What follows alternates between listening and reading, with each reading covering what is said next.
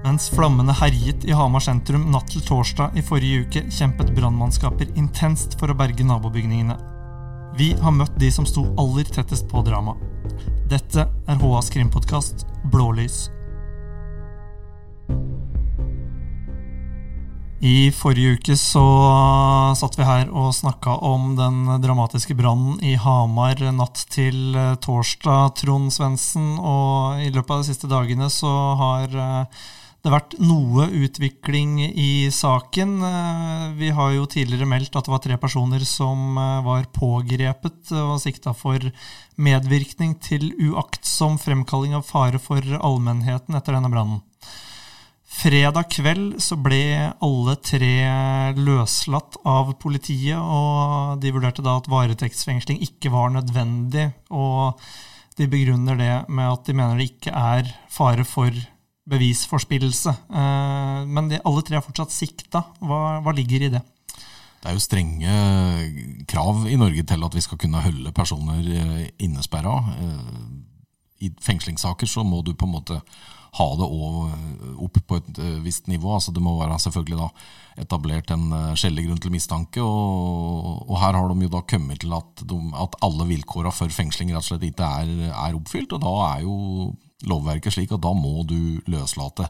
Det betyr jo ikke automatisk at en person eh, er eh, utenfor enhver mistanke, sjøl om en blir løslatt. Og her har jo politiet sagt at, de, at siktelsa er både opprettholdt og uendret, så vidt jeg husker. Ja, og de sier, vil ikke kommentere om mistanken er styrka eller svekka mot noen av de tre. Da. Nei, men det er i hvert fall tydelig at de har det du måtte ha av bevismateriale, er av en slik karakter at ingen personer kan påvirke det. Og det er jo det som ligger til grunn for den løslatelsen, litt sånn, slik jeg tolker det da, i hvert fall. Mm. Kripos har jo bistått politiet med undersøkelser på stedet. De har eh, mandag sperra av gata for å få gjort noe rivearbeid for å gjøre det lettere å komme til i området der. Men ellers så er det mm, ikke veldig mye nytt Eh, som eh, har eh, skjedd i saken. Vi har hørt om hvordan skadene på bygget er, og hvordan de berørte har opplevd det her, men det er fortsatt mange ubesvarte spørsmål. Ja, og som vi var innom i, i podkasten vi lagde om brannen før helga, så er det klart at det er ikke veldig overraskende at de kobler på Kripos her. Det er spesialorganer som sitter med den beste kunnskapen, og de har den beste verktøykassa. De har brannhunder, de har stor rutine og mye erfaring i å, å granske branner. ikke sant? Så mm, det var ikke veldig overraskende at de fikk bistand fra Oslo, nei. Og det at uh, de er med på etterforskninga av uh, brannen her videre også Altså, politiet har jo så langt ingen sagt at de ikke har noen formening om hva som gjorde at det begynte, å brenne der. Uh, de har, holder alle muligheter åpne og står sånn sett uten svar da, på hva som er årsaken. Ja, nå vil jeg kanskje tenke at de veit litt mer om eh, det enn vi gjør. Mm. Noe annet vil egentlig overraske meg litt når de ordlegger seg på den måten. Men samtidig så vet vi at branner kan starte på veldig mange måter. Og brannetterforskning går eh, en del tilfeller ut på å eliminere ting òg. Altså, på hvilken måte har brannen ikke startet, er òg ofte veldig viktige spørsmål som må besvares for å finne en brannårsak. Mm. Eh, så det jobbes vel eh, med et eh, bredt lite puslespill nå, men som sagt, jeg tipper jo at de vet litt mer om det enn vi gjør. Ja, og så er det viktig å få fram at ingen av de tre som er sikta, erkjenner straffskyld for det de er sikta for. Og siktelsen går jo på, sånn det står nå, på uaktsomhet, og det betyr jo kanskje litt enklere forklart uforsiktighet, kanskje, eller noe i den gata der? Ja, det er i hvert fall eh, slik vi tolker siktelsen. På en måte ikke sånn eh, direkte påsatt brannsiktelse, slik den framstår nå. Nei. Så, mm, og, og, dette er jo jusspråk, da, så det er litt vanskelig å ta inn eh, kanskje for folk, men i hvert fall verdt å merke seg ordlyden i dette der, da. Ja. Mm.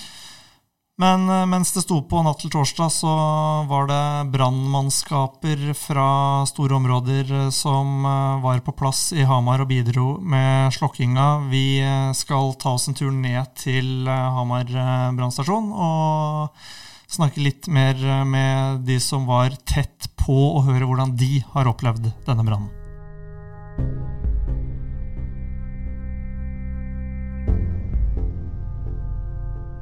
Ja, Trond, da har vi eh, kommet oss ut av eh, kontoret og ned til eh, brannstasjonen i Hamar. Og vi har fått med oss i første omgang Torgeir Dubik og Anders Unnhjem Pettersen. Velkommen til dere. Takk for det. Jo, takk. Eh, det har gått noen dager siden eh, den voldsomme brannen i Hamar eh, sentrum. Dere var jo i sentrum av den hendelsen natt til torsdag i forrige uke. Og du, Torgeir, var jo med på arbeidet gjennom natta på stedet. Det var kanskje du også, Anders? Ja da. Hvordan opplevde dere den natta der?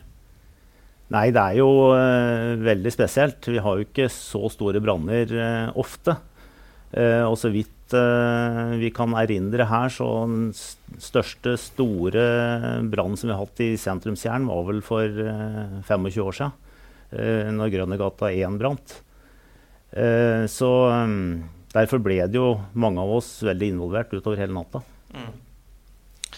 Hva tenker dere når det, den første meldinga kommer der om brann, gammelt trebygg, Hamar sentrum med bygninger tett på?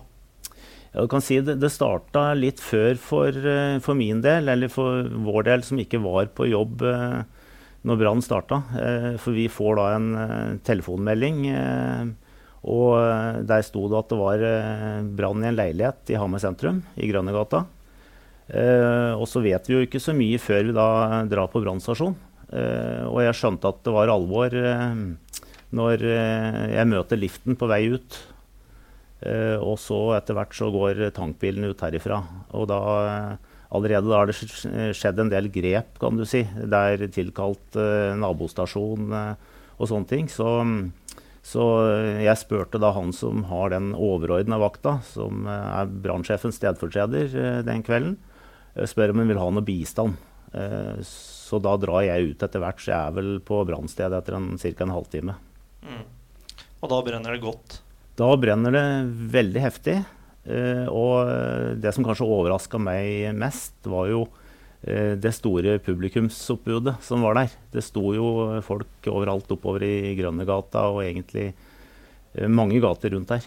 Mm. Sent på kvelden, midt i uka, så var det veldig mange som samles, samles der. Og vi snakka om det i forrige uke også, Trond. At det er både den natta og i dagene som har fulgt, så har jo det hjørnet her på en måte vært der hvor folk har samles i Hamar den siste tida. Vi har jo til og med hatt bilder av i HA at folk har hengt eh, roser på veggen utafor eh, de lokalene som er ramma nedi der. Så det er klart at dette her er jo noe som mange har et uh, følelsesmessig engasjement i forhold til, tror jeg. Mm. Um, hvordan opplevdes slukkearbeidet på stedet der uh, på natta?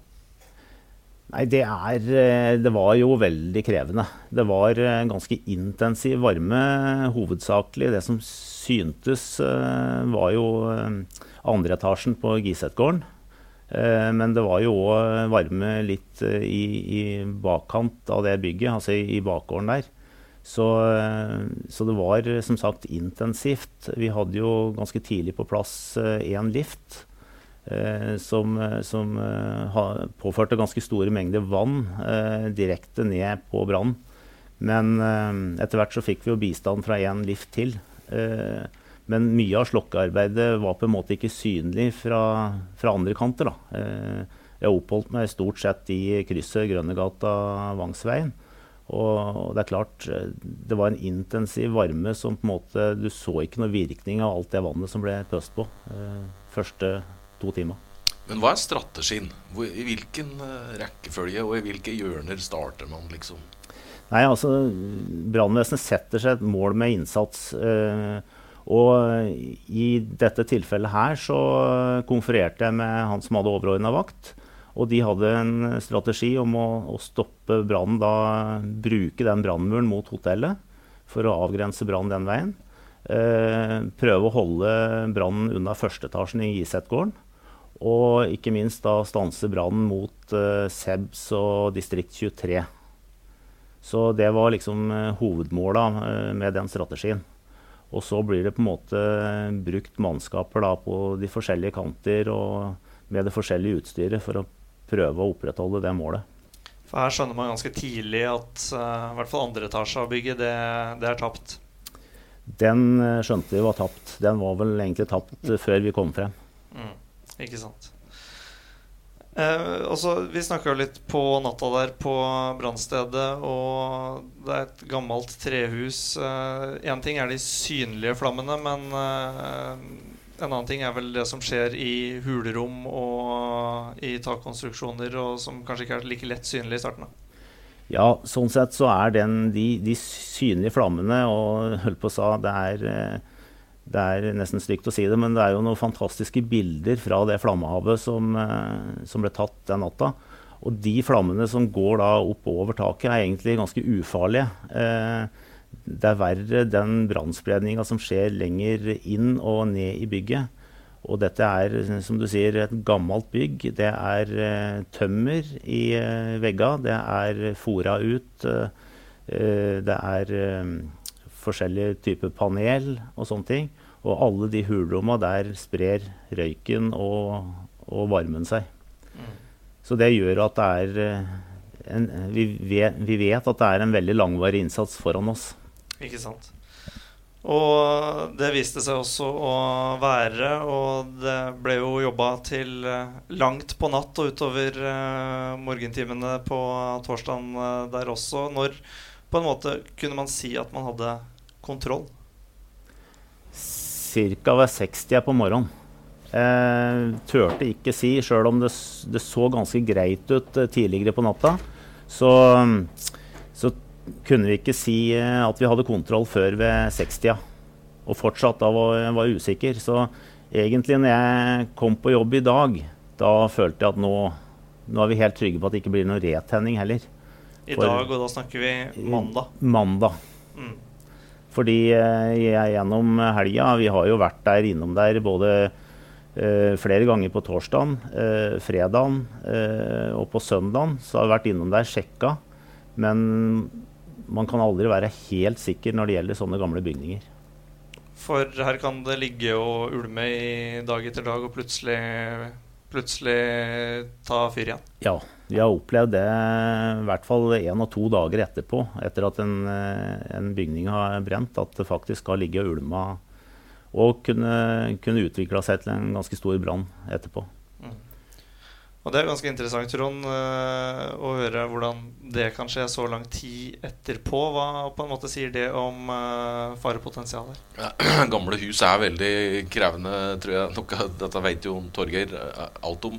Eh, men jeg husker faktisk at jeg har dekka en eh, dekka for mange år siden en eh, boligbrann oppe i Ringsaker der, der, hele huset brant ned dagen etter, tror jeg det mener jeg det var. Fordi at det var ja, hulrom i vegger og, og, ting der som hadde levd da, i vegger. Og, så det, det, er en veldig vanlig problemstilling. Og jeg tror uh, er vel kanskje noe av det som gjorde denne brannen her så vanskelig. Altså En sentrumsgård er ikke bare en sentrumsgård. Du har hus som er bygd i stål og betong, men du har òg gamle trebygninger. Det er helt riktig. Og det gjør det jo veldig spesielt når det er sånn i sentrumskjernen. Altså eh, bygg med flere leiligheter, eh, bygg som står eh, tett inntil hverandre, så er vi veldig redd for å få en brannspredning videre. I motsetning til en vanlig enebolig, hvor du på en måte i verste fall så kan den brenne helt ned, men det er kanskje ikke så stor fare for spredning. Uh, og en annen faktor som uh, gjorde meg litt sånn ekstra ja, på vakt, var jo den vinden. Det har vært en voldsom vind uh, over flere dager. Så um, det er jo noe som kan bidra til å blusse opp igjen en brann.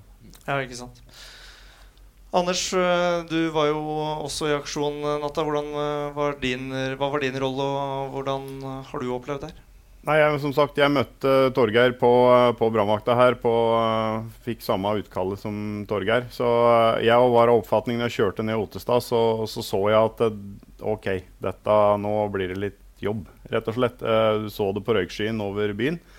Så, så vi blei for så vidt enige om litt arbeidsfordeling her inne. Torgeir reiste ut som sagt, på skadestedet, og så blei jeg igjen inne og, og, sorterte litt mannskaper i forhold til at vi ønsker å Når vi har en såpass stor brann eh, hvor på en måte Brumunddal ble involvert, eh, Stange var involvert, eh, og da, da, har vi også på en måte en, en, utfordring i forhold til en restberedskap. Fordi vi tømmer, vi tømmer nabostasjoner for, for mannskap. Så, så, jeg ble igjen her inne og uh, holdt igjen uh, fire mann uh, på bil nummer to for oss herfra for å kunne dekke opp både Stange, som på en måte hadde blitt tømt, og, og, mot Brumunddal. Så det samarbeidet der er på en måte noe av hovedoppgaven til oss som har den funksjonen med overordna vakt. Det er jo på en måte å passe på at beredskapen også ivaretas for det som er resterende. Ja. Det, er, eh, det, er, utrolig mange ganger at det skjer doble hendelser. Altså at det skjer to ting samtidig. Og da må vi ha på en måte beredskap for det resterende òg. For det er jo noe av faren her. Altså, man kan jo aldri være sikker på at det ikke begynner å brenne et annet sted samtidig. Nei, det kan begynne å brenne, eller du kan få en smell på E6 eller et eller annet sånt. Og da må man på en måte ha mannskaper igjen for å, å, å håndtere det. da. Mm. Du var jo inne på det her at uh, røykskya så man fra lang avstand, og det var jo uh, uh, røyk over store deler av den bydelen her, i hvert fall. Det har jo sett dramatisk ut utafra også. Selv om det ikke var helt oppi det. Ja, ja, det er klart. Også, og denne dagen her så var det litt sånn spesielt værfenomen også. Du får litt sånn lavtrykk, sånn at det, måte, det, røyken sprer seg egentlig i bygatene og overalt. Og det var jo på en måte grått rundt hele kvartalet. Og, og det er litt sånn spesielt, fordi har man litt vindtrekk, så forsvinner den gjerne én vei, og så er det på en måte altså, da, da, har man litt mer kontroll på det. Her ble det på en måte en sånn grå sky over hele kvartalet som gjør at det, det, det ser litt annerledes ut. Si litt om uh, vann. Altså hvor mye vann bruker dere på en sånn hendelse som dette her? Og hvor får dere det fra? Nei, eh, akkurat de første minutta så bruker vi vann som vi har med oss på de eh, mannskapsbilene som er i bruk. Eh, på den Hamar-bilen så er det 3000 liter vann. Eh, og så kom, sender vi etter tankbiler. Så det kom et par tankbiler på plass etter noen minutter. Og de har, altså Den ene her har 16 000 liter vann, og en annen har 8000 liter vann. Så da er vi på en ja, 25, mellom 25 og 30 000 liter vann har vi ganske raskt tilgjengelig. Men det går ganske fort? Det går veldig fort. Så noe av den første oppgaven faktisk på stedet var jo å etablere vann fra gata.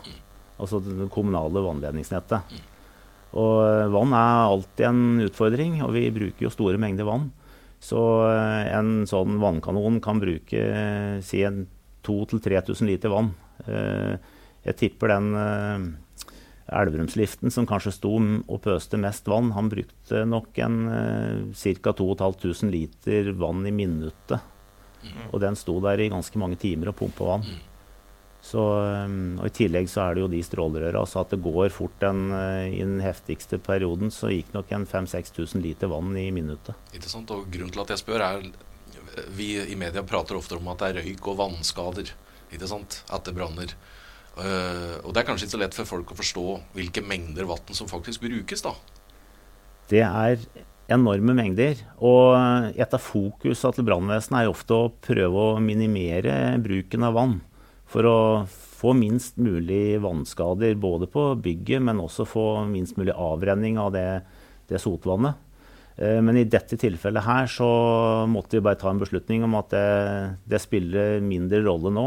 Uh, vi må slå det ned. Både for å stanse brannspredning, men også for at uh, skadene var såpass omfattende av brannen allerede. Og vi så jo ganske tidlig at eh, brannmannskapene var nede i kummer og fikk eh, henta ut mer vann. Og, men det der er vel kanskje lettere i byer enn hvis det skjer eh, i mer grisgrendte strøk? Akkurat den biten? Det er helt riktig. Vi har uh, vi har eh, jo som sagt tankbiler her på, på, Hedmarken. Altså alle kommuner har en eller flere tankbiler. Og eh, vi kan bruke det på grisgrendte strøk, men vi er veldig opptatt av eh, når det er nye reguleringsplaner, at det skal opprettes nye boligfelt, f.eks. industrifelt, at det blir tatt tilstrekkelig høyde for brannvannsforsyning. Eh, og vi har jo jobba nå i mange år for å få mest mulig hydranter rundt omkring. For, eh, F.eks. når vi tar vann fra en kum i, i sentrumskjernen, så bruker vi ganske mange minutter på det. Og de minuttene er ganske dyrebare i en, i en tidlig brannfase. Så det er en del HMS-tiltak som må gjøres når man skal ned i en kum. Det er i dette tilfellet så brukte vi ikke så lang tid på å hakke oss gjennom is og snø, men i mange tilfeller så må vi gjennom is og snø for å komme oss ned til kummen. Så derfor så har hydranter vært på en måte en sånn fanesak for brannvesenet her på Hedmarken. Mm. Um, vi nevnte røyken i stad, men én ting er de synlige skadene. Det bygget som har brent, er jo helt tydelig eh, skada. Men eh, i tillegg så kommer jo skader som forårsakes av eh, røyk. Og det er jo ikke synlig på samme måte. Men kan, vet dere noe om skadeomfanget på omkringliggende bygder? Det var omfattende røyklukt, spesielt eh, på, eh, på hotellet. Og det var sotskader på hotellet. Den brannmuren som Hamar Arbeiderblad har omtalt, den gjorde en kjempejobb i tillegg så har de gjort en god jobb når de rehabiliterte eh, hotellet og, og bygde ut hotellet for noen år siden. Sånn at de hadde sikra veldig godt mot brann. Men det er så lite hulrom som skal til før det kommer inn uh, røyk og sot. Sånn at hotellet har nok en del røyk- og sotskader. Mm. det ble òg brukt noen mannskaper fra oss for å være sikker på å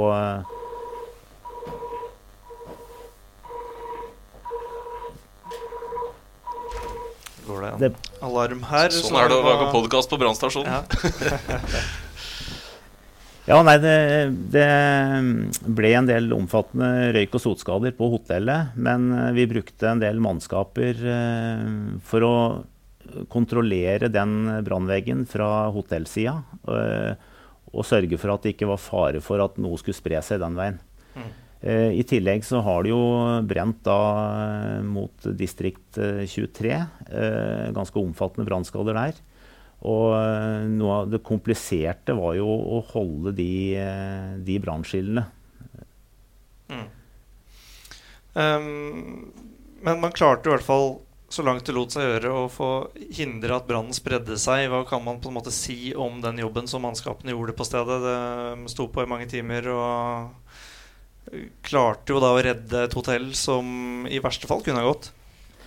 Ja, altså det, Sånn i det store og det hele så er jo vi fornøyd med innsatsen vår. Men eh, selvfølgelig, vi skal være sjølkritiske og se om det er ting vi kunne gjort bedre. Så vi starter jo en evalueringsprosess eh, eh nå førstkommende uke. Eh, for å gå gjennom alle faser av brannen. Fra, fra, melding til eh, vi avslutta og var ferdig med etterslokkingsfasen. Eh, for å se om det er ting vi kunne gjort, gjort bedre.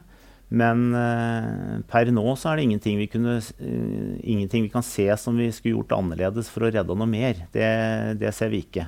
Men det er alltid ting man kan prøve å forbedre seg på. Mm. Du har jo vært på en del branner opp gjennom åra, Trond. hva tenker du om den jobben mannskapene står i mens det koker som verst? Nei, Du ser jo at de relativt fort får etablert et uh, stort apparat. Uh, og det når den, de første som kom bort dit, tror jeg ganske fort skjønte alvoret i den situasjonen. Når du ser de tidlige videoene og de tidlige bildene som vi har publisert, så det er klart at folk som lever av å slukke branner, og som har sett en og annen bygningsbrann før, de tror jeg skjønte relativt fort alvoret i eh, etter den spekulasjonen eh, som dekk kan bekrefte. det er helt riktig. Det, det er klart når du, når du, kommer og møter et sånn eh, flammehav som det var der det er jo Et vaktlag består jo av fire personer. Mm. Det tar tid før de neste kommer. Mm. Og fire personer skal prøve å gjøre alt de kan da, for å begrense omfanget. Eh, så blir det en ganske stor oppgave. Nå, eh, som en Anders var inne på, vi har et veldig godt samarbeid i, i hele Innlandet, faktisk. Vi, eh, vi, sender de ressursene ut til andre kommuner når de har behov for det. Og i sånn som i dette tilfellet så fikk jo vi veldig god hjelp. Vi hadde Av våre stasjoner så var jo Hamar og Stange på stedet. Vi fikk bistand fra Brumunddal, og vi fikk bistand fra Elverum. Eh, hvis det hadde vært nødvendig og vi eh, hadde sett eh, behovet for det, så kunne vi fått bistand fra både Lillehammer og Gjøvik. Så De sto klare til å bidra hvis det var behov de, had, de sto klare hvis, hvis, det var behov. Så det hvor, hvor, mange huer er totalt i aksjon i løpet av natta? Uh, det var vel 33 mm. uh, huer fra, fra, fra brannvesenet i aksjon mm. denne natta. Eh, men dere har også hatt uh, litt ekstra fokus på nettopp bygårdsbranner og uh, hva som kan skje i Hamar sentrum. Kan dere ikke fortelle litt om uh, det? Ja, jeg kan ta litt om det. I 2019 så starta vi noe som heter Bygårdsprosjektet. og det, det, går jo på, på en måte i stor grad den gamle, gamle kvadraturen i Hamar osv. Med, med større bygårder. Og, og, det er jo dratt litt ut ifra det prosjektet som Oslo brann og redning har gjort i sin tid, med rehabilitering av store bygårder i Oslo. Eh, og eh, Det ble gjennomført en kartlegging i 2019, og så ble det på en måte gjennomført da, tilsyn med x antall bygårder ut ifra en sånn risikovurdering som vi har gjort. Og, og, og, det er klart at uh, Der går jo i all hovedsak fokuset på personsikkerhet. Altså dette her med, med mange leiligheter i gamle bygårder, rømningsmuligheter. Uh, tidligere så var det jo litt sånn at det var lov å, å bygge med bare ett trappeløp, ikke sant? og så skulle brannvesenet og naboen komme med stige. Sånn er det på en måte ikke lenger. Altså, det skal være mer sikkerhet innebygd i bygget enn som så.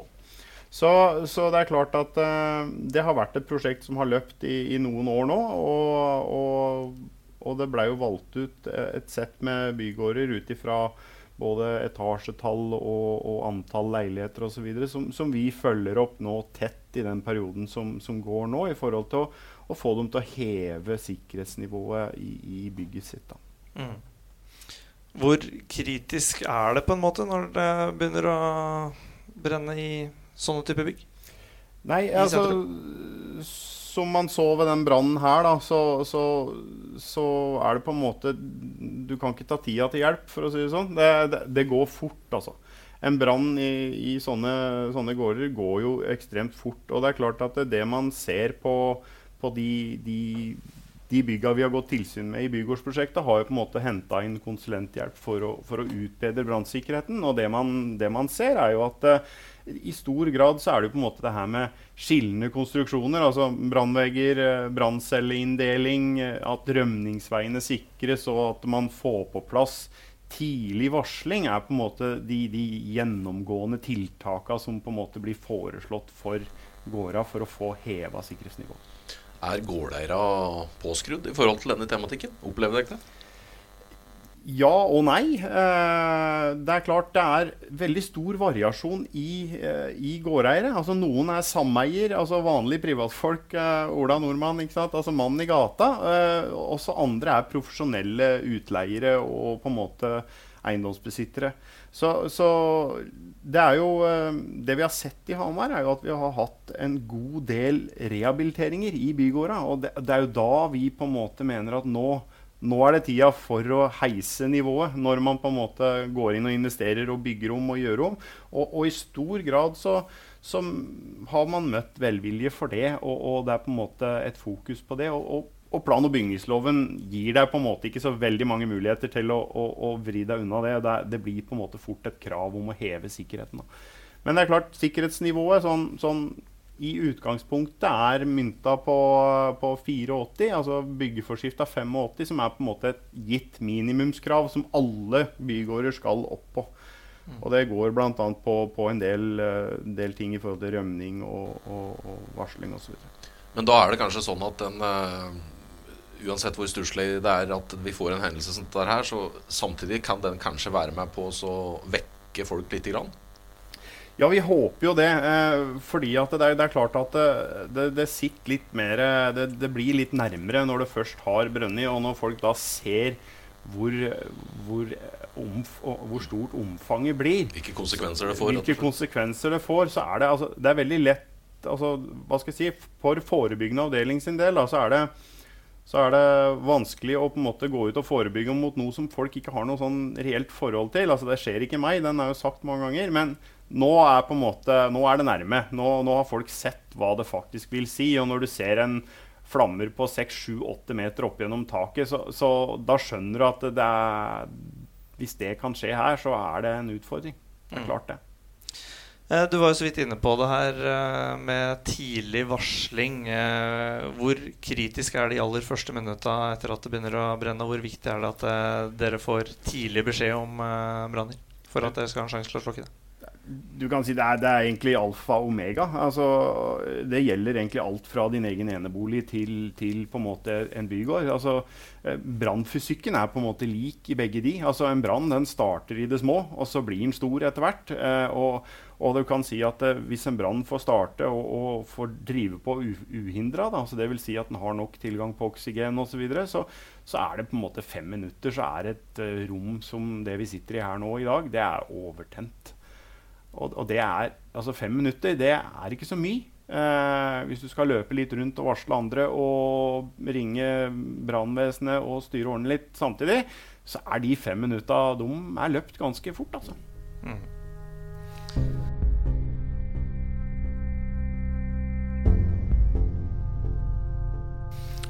Da har vi fått uh, eh, kasta ut uh, Trond Svendsen uh, for ei stund og bytta han ut med deg, Per Harry Stensli. Um, vi har snakka mye nå om uh, i uh, sentrum, og da spesifikt Grønnegata 34. Um, men du hadde vakt uh, dagen etterpå, nesten akkurat et døgn etterpå, så er det en helt annen type brann. Da er det en enebolig i Løten som begynner å brenne. Stemmer det. Hva, hvordan jobber dere når det er den type branner? Det, det, blir jo du, du har jo et helt eller enklere scenario for så vidt. For her er det jo da snakk om én familie som, som, er ramme, eller ett hus. Og det er jo da eh, kontra i der det er flerhus, eller flere som bor i samme bygget. Da er det jo litt mange som blir eh, ramme. Så, så, det er jo litt, eh, litt, enklere sånn å starte med. Men, men eh, det har jo andre utfordringer når du kommer ut på bygda. Da kommer vi jo ofte mye seinere inn i leken, så da har brann ofte er kommet mye lenger i, i brannforløpet. Mm. Den eneboligen brant jo helt ned. Eh, vi var inne på tidlig varsling i stad, men her er det også snakk om en utrykningsvei for å komme seg fram dit. det er jo langt å kjøre dit, eh, så alle bruker jo eh, litt tid for å komme fram. Mm. Pluss at eh, den natta så hadde vi jo sterk vind, som òg var med og var i vår disfavør. Og, og, derfor så Innan vi var framme, så hadde vi jo full eh, drift på over hele loftet på, på huset. Så det, så, eh, og det med problem med, med vanntilførsel altså Det er jo en lang vei med, med per plass til én bil i. Så, så få en logistikk på tankbil var ikke bare bare, men der er vi jo helt prisgitt å få kjørt vann med tankbiler til. Mm. Men eh, dere alle tre jobber jo med det som eh, mange unger drømmer om når de er uh, veldig små. Er det guttedrømmen deres som uh, leves ut nå også? Jeg kan uh, svare for min egen del, i hvert fall. Så var det vel egentlig ikke det. Det er litt tilfeldig at man havner i det yrket her. selvfølgelig, jeg har opplevd brann da jeg var ung gutt ute i Jølstadkretsen. Eh, der var det mange gårdsbranner. Men jeg hadde aldri noe, noen drøm om å, å jobbe, jobbe, i brannvesenet. Det var nok mer tilfeldigheter som førte meg dit. Mm. Hvordan ser en vanlig dag på jobb ut for dere? Det er jo ikke hver dag vi har store, alvorlige branner, heldigvis. Eh, hvordan, hvordan er hverdagen deres? Nei, Det jo er eh, veldig variabelt. Uh, altså, vi, vi, har jo uh, to avdelinger her. jeg sitter jo veldig mye administrativt med alt fra økonomi, personal til Ja, altså i det store og det hele mye administrativt. Per Harry Stensli er jo da leder for beredskapsavdelingen. Og eh, har jo det med øvelser, oppfølging av eh, brannmannskapene, både i Hamar, Stange og Løten. Uh, mens Anders han er da leder for brannforebyggende avdeling. som har da, de driver med tilsyn ute i bygg, som vi har snakka om. Tilsyn i, i, leiligheter med svake brannskiller. det kan være skolebygg, institusjoner. Og så er han ansvarlig for Feiervesenet, som driver med boligtilsyn og, og feiing. Så ja, det er ganske bredt fagområde. Eh, så har vi eh, vaktmannskapene, de vaktlagene. De, eh, de, har sine oppgaver. De skal øve. De har masse utstyr som de skal være oppdatert på. De har noe trening i arbeidstida. Og det er veldig mye utstyr som de driver med vedlikehold. Vi gjør jo veldig mye arbeid sjøl med vårt eget utstyr. Ja, mye av vårt utstyr er jo levert fra leverandører langt ifra. Så hvis hvis vi skulle vente på å få folk fra Tyskland, eller om det er fra Polen eller, eller Sverige, så tar det lang tid. Derfor så må jo ha flest mulig folk som kan det utstyret vi har, så vi klarer å holde oss i gang så langt det lar seg gjøre. Mm, mm. Um, Anders, eh, du som jobber mye med forebygging. Eh, hva er det som er viktig at folk eh, tenker på for å unngå at de brannene skal oppstå? Nei, altså, når du, når du, ser på en måte hvordan branner oppstår, så har på en måte ikke statistikken endra seg så mye altså, i den siste 20-årsperioden. på en måte. Altså, du har en god del eh, branner som har på en måte definert en elektrisk, elektrisk årsak. Eh, åpen ild den er der fortsatt i stor grad.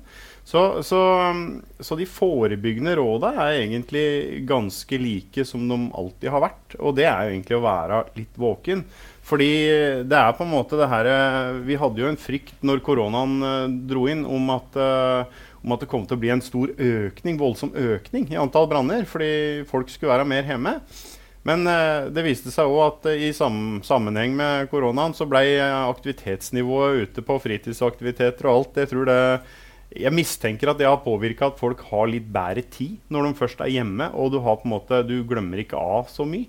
Så, så, statistikken viste jo faktisk det motsatte. At det gikk litt ned. Eh, og jeg tror folk rett og slett hverdagen ble litt mer balansert for folk. Du, du måtte ikke på fire treninger samtidig som du skulle ha i unga maten. Så, så, så da, da, da glemmer vi ikke så mye. Så, for vi skal, ikke, vi skal ikke glemme det at et hus som står der uten folk i, det er sjelden veldig brannfarlig. Det er når du begynner å putte inn folk i bygg, at ting skjer. Eh, så du kan si at eh, brannforebygging det, det, går veldig mye på å på en måte minne folk på de enkle tinga. Eh, og på en måte være litt den derre pådriveren på, på en måte At man husker å gjøre de riktige tinga. Mm. Og ikke liksom eh, For det er veldig mye som, som er på en måte skulle bare eller osv. Og, og, og så har du egentlig en brann. For ren sjølantenning eh, uten noen som helst påvirkning, det er veldig sjeldent? Det er veldig sjelden. Eh, så det, den er ikke så veldig ofte trer i kraft, nei. Så, så, det er stort sett en eller annen årsak til det. Du kan si Elektrisk årsak er et veldig godt eksempel. Omtrent halvparten av brannene har liksom statistisk sett vært liksom pekt inn mot elektrisk årsak. Men der kan du si at den bolken kan du lett dele i to igjen, og så si at feil bruk av elektrisk er årsak der. Og det vil si overbelastning av, eh, av eh, strømnettet ditt, altså komfyr, uh, hendelser på komfyr osv. Og så en eh, liten sånn banal ting som brannvesenet har snakka om i alle år, det er jo askebøtta eller uh, askeposen. For når folk tar aske ut av ovn, og vi har jo merka en liten oppgang nå. Eh, så setter de den ofte ute på terrassen eller rett utafor husveggen, og så tar det fyr. Og det er liksom en sånn enkel ting som kan få veldig store konsekvenser. Mm. Eh, vi har jo sett nå, det har jo eh, Fyringa har jo tatt seg opp litt med de strømprisene vi har hatt. Så, så det vært litt oppsving igjen nå. Men vi, hvert eneste år så har vi branner pga. den såkalte askebøtta. Og der så jeg faktisk et eksempel fra Romerike på Facebook i, dag tidlig. At en hadde brukt uh, bålpanna, latt den stå i et døgn i ti minusgrader, putta det i en boks, satt inntil veggen, og et døgn etterpå så begynner det å brenne. Ja. Hvor farlig er det? Altså det, det, kan ligge og glør i en, eh, i en pose eller en, en, askebøtte ganske lenge. Eh, kanskje et par døgn. Eh, kan det være varme i den. Altså, og med den vinden som kan oppstå ute, så, så, er det ikke så mye som skal til før det får litt varme i det. Og står det inntil veggen eller på en terrasse, så, så, blir det fort eh, en rask brannspredning. Mm. Vi har jo hatt noen nå i løpet av vinteren som har vært i askebøtta. Mm. Så Ellers sånn, sånn, eh, sånn, statistisk sett, så som en Anders koronaen førte jo til at eh, at eh, antall eh, hendelser eh, ble jo ganske drastisk redusert. Men husbrannene våre solgte vi jo omtrent på nivå. Mm. Så de, de havner jo omtrent inn på normalen, for så vidt. I 20, i 20 og, 21 er litt lavere. Mm. For dere har jo statistikk på hvor mange branner det er og utrykninger dere har. Kan du ikke fortelle litt om uh, hvor, hvor, mange hendelser er det på Edmarken i løpet av et år? Vi er i, i sånn eh, totaltjeneste på rundt 700 sånn cirka. Eh, jevnt over i året. Og da er det med smått og stort og hele pakka? Og så, men, men, men, husbranner er jo lavere. Det er ute mer enn I 21 så hadde vi bare 27 som er definert som husbrann. Da mm. kommer jo en del sånne småting attåt, sånn som tilløp på ovn og eller komfyren vil jo komme litt i tillegg, så det er jo, det er jo ikke helt reelt sånn, men det, det skyldes litt uh, måten det skal rapporteres på. Så og, og, der vil jeg stikke inn dette med tidlig varsling også. fordi vi har, uh, altså, det, er, uh, det, er, gjort uh, ganske mye jobb på den forebyggende sida de siste åra med både det vi kaller en Doroker-alarm, det vi kaller automatiske brannalarmanlegg, som kommunen har vært stor på i forhold til sine boliger. Og ikke minst at privatpersoner også har begynt. altså Det er ganske mange som har alarmanlegg via enten sektoralarm eller Verisjør eller noen av de her. Eh, hvor på en måte hendelser rett og slett, altså Det som kunne ha havna i statistikken som, som husbrann, eh, havner som branntilløp eller på en måte noe, noe mindre. da. Mm. Og det, det, ser vi jo, det, det jo, har det jo vært mye av. Og så har vi jo Altså I løpet av et år så rykker dere ganske mange ganger ut til automatiske brannalarmer der dere er inne og sjekker er ingenting og kan uh, dra igjen. Men det er kanskje bedre å ha 20 sånne utrykninger for mye enn å ha én for lite? Absolutt. Det, vi ser det er, det er, en ganske lang tradisjon for å ha brannalarmanlegg på bedrifter, institusjoner og sånne ting i, i Hamar-området. Eh, vi har mange som er tilknytta direkte til 110-sentralen, bl.a. I tillegg andre vaktsentraler. Og det er, en, det er en veldig god sikkerhet. Uh, og vi rykker gjerne ut til den typen alarmer uh, noen ganger, fremfor at vi skal komme for sent en annen gang. Mm. Så um, vi er Ja. Ja, for at, altså, det, det, går ikke an å få understreka det nok. Altså, hvor, hvor, billig forsikring en røykvarsler egentlig er altså, i en enebolig. Altså, det, det, er røykvarsleren som erstatter nåsene dine når når du ligger og sover. Altså, det er på en måte det er, det er, forskjellen på at du kommer deg ut av huset ditt. Altså, huset kan gjerne bli seende ut som den brannen vi hadde i Løten, men ingen omkom. Alle er ute. Altså, og det er på en måte det jeg ønsker at folk skal virkelig bite seg merke i. Altså det her med Ja, men det holder vel med én røykvarsler nede. Ja, gjør det det? Altså, du skal høre den på hueputa, og da gjelder det om å lokke opp dører og legge seg på hueputa, få noen til å løse ut den, og så gjør, hører jeg den virkelig? Mm. Og små unger fra folk som har små unger, altså små unger fra ett år og opp til de er nesten 15 år, de hører ikke røykvarsleren. Altså, de våkner ikke av røykvarsleren. Det er statistisk og forska på. Så da er det på en måte om å gjøre at den voksne òg faktisk må våkne. Når du har putta poden, kanskje soverommet er i antasjen, du sjøl ligger i første, så, så, er det faktisk deg som voksen. Det er du som må våkne for at det her skal gå bra. Mm. Og da holder det ikke med én. Og, og, og, sånn som i fjor, da, som vi hadde ca. 300 automatalarmer. Og, og, en del av de var jo de som Anders pratet om, de Doro-alarmene, eller, eller, som en Securitas-alarm, eller hva det enn er, som noen ser eh, røyksjiktet i, i, huset som det skyldes matlaging. Men det er jo en på, påbegynnende brann, så det vil jo berge både liv og verdier. Mm. Og som vi er inne på her, verken i brannen i Hamar eller den i Løten, så gikk det liv tapt. Eh, men det er vel førsteprioritert for dere når dere kommer til en brann. Sørge for at alle er ute av huset, og eventuelt få ut de som skal være inne der. Og det må være en ganske heftig jobb når uh, brannvesenet tar på seg røykdykkerutstyr og går inn i et brennende hus, der alle andre uh, instinkter sier at her skal du ikke inn, du skal ut. Det, det er to forskjellige starter med savner person, eller mistenkt at personen er inne, kontra at alle er gjort rede for, alle er ute.